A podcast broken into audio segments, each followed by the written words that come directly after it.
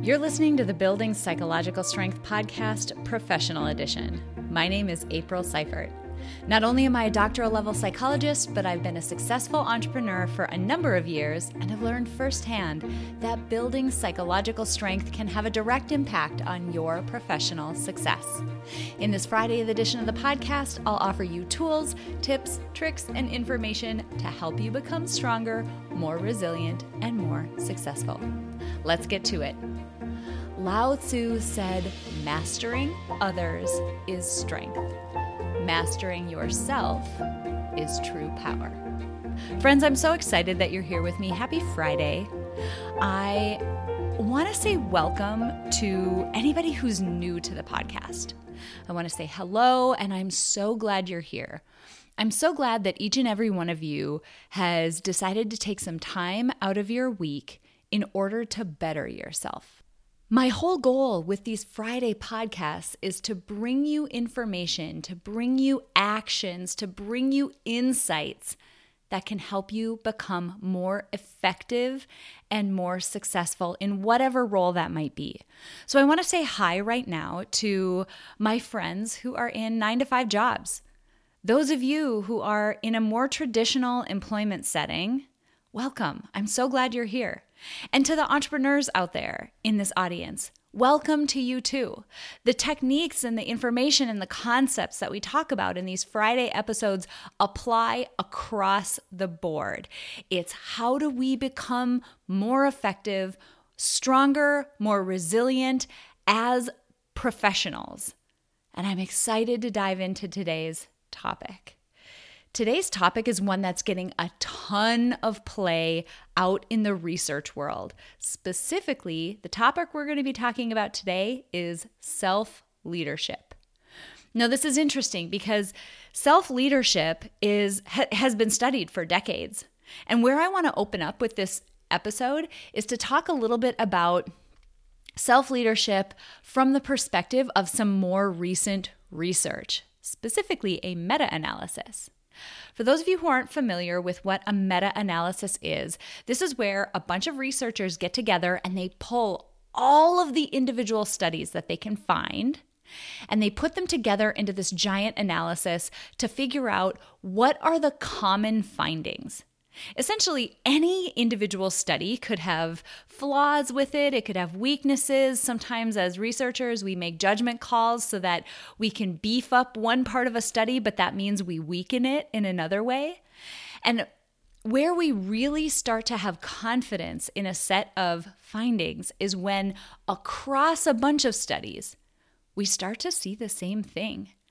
We feel really confident when the majority of the evidence that we're looking at all supports the same finding. And that's what a meta analysis does. It goes and looks at a ton of individual studies over time and puts them all together to say, okay, what are the real effects? So, today I want to talk about a meta analysis that was literally just dropped August 25th, 2021. So, we're talking very recent research. This was published in the Journal of Occupational and Organizational Psychology. And the title of the article is Self Leadership, a meta analysis of over two decades of research. So, high five to Harari and all of your uh, co authors. Amazing work on, holy cow, what must have been a very arduous task to put all of that research together. So, I want to talk a little bit about the findings of the study. I'm going to hit those really quick, and then we want to talk about a second study that's going to help us develop self leadership. But before we dig in there, let's just do a really quick definition. Self leadership is essentially what it sounds like to some extent it's having this sense of who you are, having a really good idea of what you can do, and then having the direction to know where you're going and also the ability to influence your think thoughts and emotions and behaviors in order to get you there. So it's this self-awareness and this knowledge of ourselves.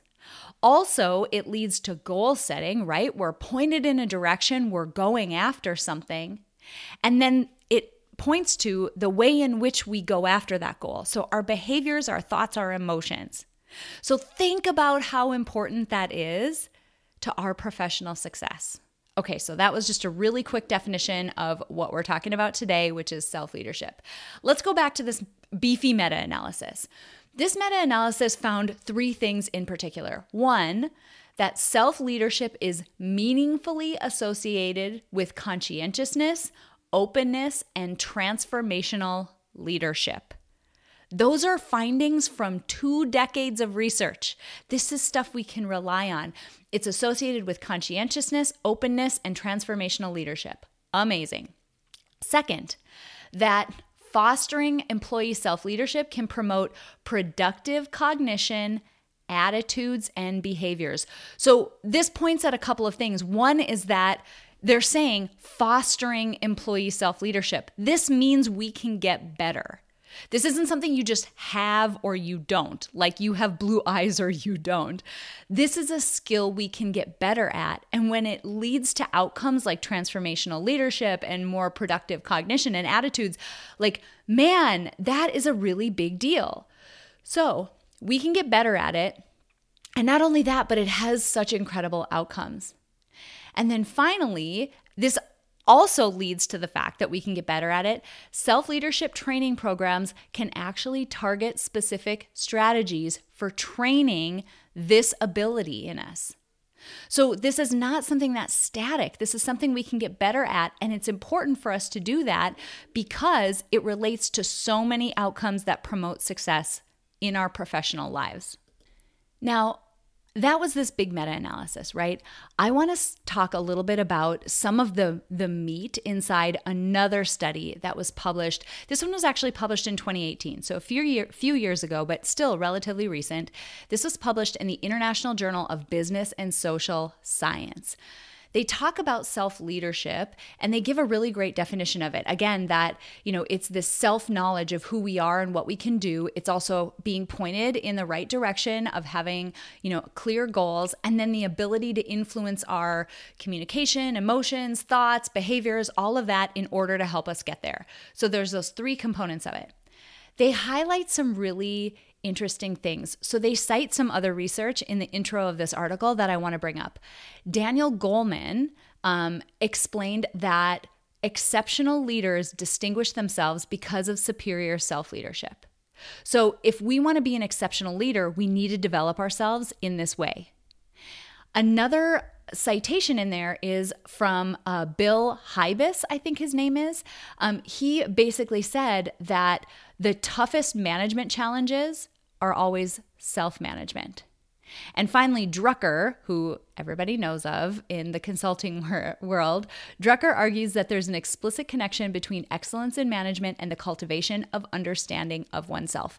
And this makes sense, right? We can't be effective with other people if we aren't understanding what we're bringing to that situation.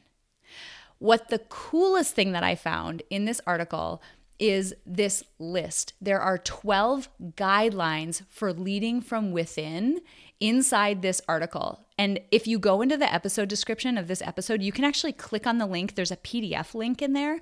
You can download this article and get this full list for yourself. But as we sort of move to the second half of this episode, I want to run through this list of 12. It was compiled by a woman named Lolly Daskal. She was the president of a global consultancy specializing in leadership and entrepreneur development.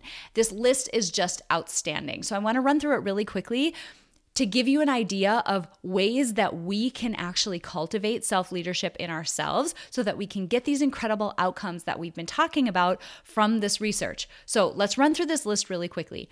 Number one of 12, set goals for your life. And we saw this right in the definition of self leadership that you have goals, you have something clear.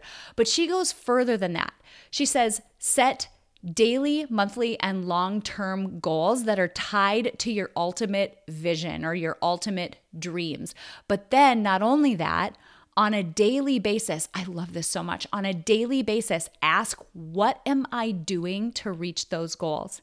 So you're setting goals, you're aligning them to your vision. This sounds so life designy, PS. You're aligning them to your vision, and then you're re-evaluating on a daily basis Am I pointed in the direction of that goal? Number two of 12, lead by example. She basically says every day you're setting an example for the people around you, whether you realize it or not. whether you mean to or not.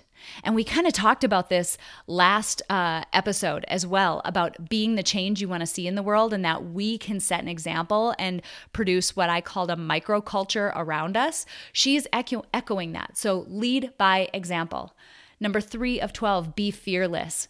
I love this. She says, Too many people coast through life without ever taking the initiative to find greatness within themselves. Yes. She goes on to say, instead, teach yourself to be daring, bold, and brave. Be willing to fall down, fall and get up again for another round. That is so important. We've talked ad nauseum in these Friday episodes that the only way to achieve the goal is to risk failure. It's just going to happen. It's always going to happen. So be fearless. That's number three. Number four, honor others it's so interesting because so many times we as leaders can feel like we need to um, do everything ourselves and point to the contribution that we've made. But instead, this is talking about showing that other people have made a contribution, pointing out when someone else should be taking credit for a win or the achievement of a goal, making sure that we honor the contribution and the achievement of others around us. Talk about leadership.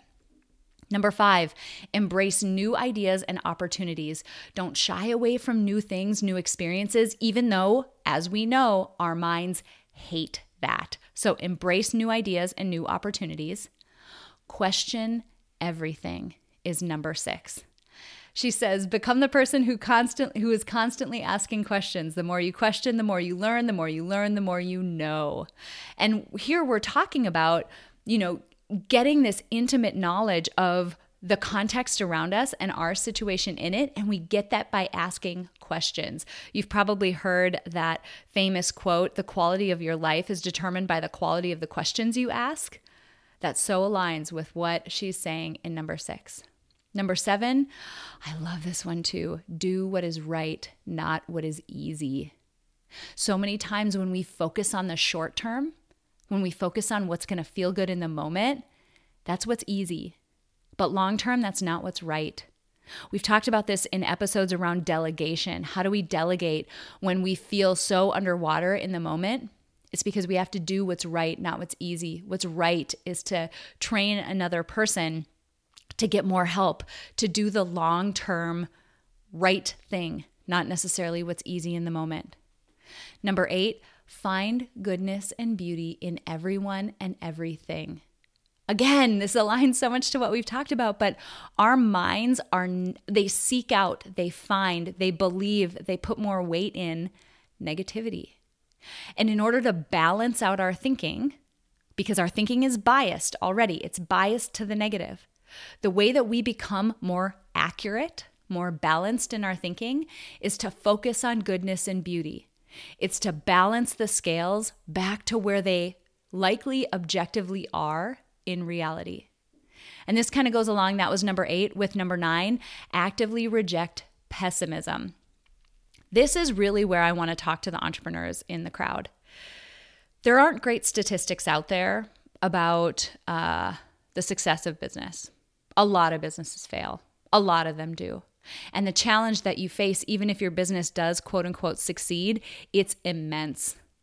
And the only way that I've found as an entrepreneur to get through those difficult times is to be unrealistically optimistic. To be optimistic, even though I have no evidence to show that I should be, because that's what keeps you going. And I love that this is echoed here actively reject pessimism. Okay, three more guys this goes back to another one that we just talked about, but be the change you want to see in the world. So, you know, we talked a bit before about how lead by example, that was number two. Be the change you want to see in the world. That was literally the quote that I put in last week's episode about showing people how you want them to show up and perform by being that example, setting that microclimate around you. 11 surround yourselves with surround yourself with mentors and teachers i love i'm just going to quote literally what the article says you cannot grow when you think you are the smartest person in the room one of the coolest things that i've ever experienced is going into rooms, especially this is when I was doing a ton of data science. You'd go into these rooms and you'd feel just a little bit dumb just a little dumb because people are talking about things that are maybe more complex than what you're doing or they're new and you haven't heard of them before in some cases. Wow, do you grow in those rooms? It can be uncomfortable. And this goes back to, you know, one of the earlier pieces around uh, where were we? Oh, yeah, five. Embrace new ideas and new opportunities. Number three, be fearless. That's the way to do this, right? You put yourself in a situation where you are not the smartest person in the room, where mentors and teachers are pushing you to grow. And number 12, care for and about people. Make sure that compassion and empathy are part of who you are and that you're connected to your basic humanity. I love that so much. Like, I'm going to run through this list one more time, kind of quickly, just so you kind of hear them end to end without my commentary. Because if you think about what it takes to develop great self leadership, this is it right here. All right, number one, set goals for your life. Number two, lead by example. Number three, be fearless. Number four, honor others. Number five, embrace new ideas and opportunities. Number six, question everything. Number seven, do what's right, not what's easy. Number eight, find goodness and beauty in everything and everyone. Nine, actively reject pessimism. 10, be the change you want to see in the world. 11, surround yourself with mentors and teachers. And 12, care for and about people. This week's Friday episode was a little bit longer than they typically are, but I think it was so worth it. For a topic like self leadership that is getting so much play in the literature right now and being shown to be connected to so many important outcomes, I think it's important to dive a bit deeper into topics like these so that we can start to apply them in our lives. Remember, great leadership of others starts with great leadership of ourselves. Thank you so much for joining me for this professional edition of the Building Psych Strength podcast. If you're an entrepreneur or a business professional and you're interested in becoming more successful, hit the subscribe button. And until next week, be strong, be resilient, and be successful.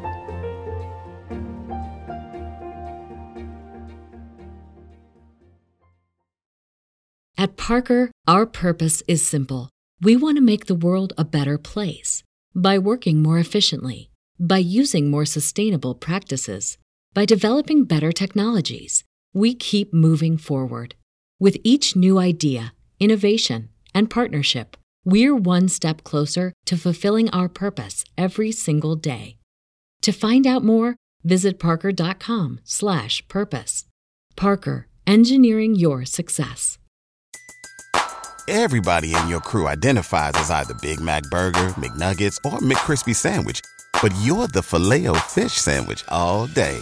That crispy fish, that savory tartar sauce, that melty cheese, that pillowy bun.